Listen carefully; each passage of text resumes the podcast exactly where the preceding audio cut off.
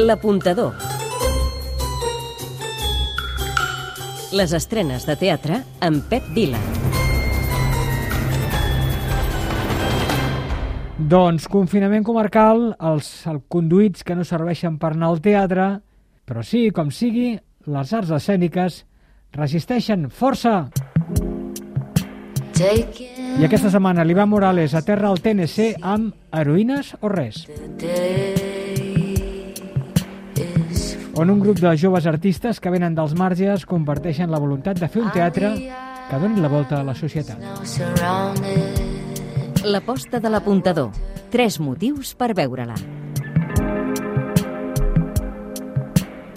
El primer, per la revolució, per la història d'aquests actors que estan emprenyats amb el món perquè se senten desemparats i senten que potser l'única solució vital és irrompre en un sector cultural que ara mateix els ignora.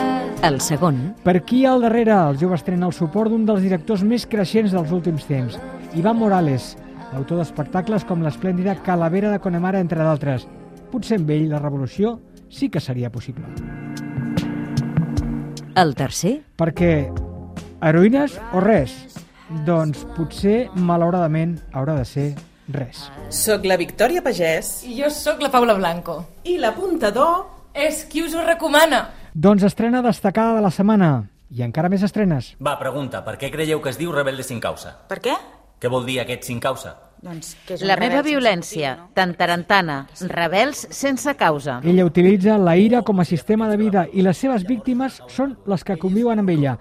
L'obra dirigida per Llàtzer Garcia se centra en unes persones violentades per l'entorn i que no saben gestionar la ira que senten dins seu, per bloqueig mental, per por o perquè no saben cap a on dirigir-la. És una adaptació lliure de l'obra de John Osborne, Luke Barry-Nanger, interpretada per Laura Daza, Marta Ussó, Sergi Torrecilla i Roger Torns.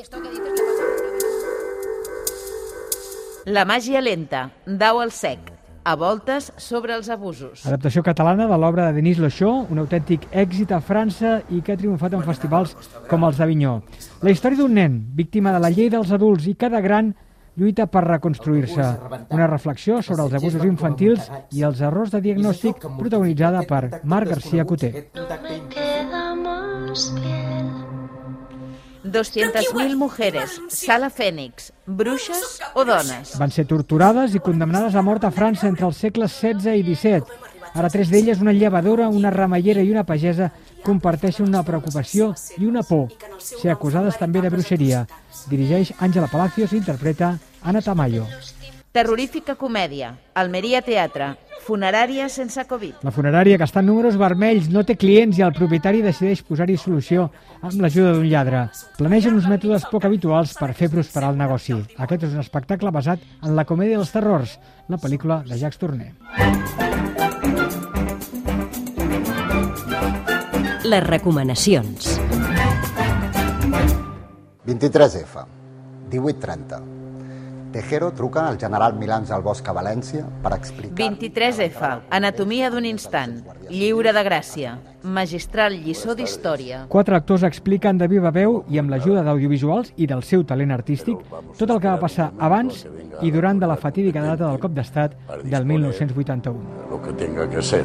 El millor. La barreja de teatre, rigorositat i sentit de l'humor absolutament necessari, basat, això sí, fidelment en la novel·la de Javier No sé Cercas. si esto será cuestión de un cuarto de hora. El pitjor. Que al sortir del teatre molta gent pensi que després d'aquell cop d'estat la democràcia es va quedar estancada i no hagi avançat gaire, i això que han passat 40 anys. 200 guàrdies civils Un moment per recordar. Doncs al final, i sense spoilers, només us direm un nom, Carlota Bandini. Suposem que us sona, a no? la autoridad competente En definitiva, Ni en els millors temps universitaris t'ho explicaven també. I és que al darrere del talent innegable de Pep Cruz, Enric Auqué, Roser Vilajosana i Xavier Saez hi ha un gran director d'orquestra, l'Àlex Rigola. l'apuntador. Les estrenes de teatre amb Pep Vila.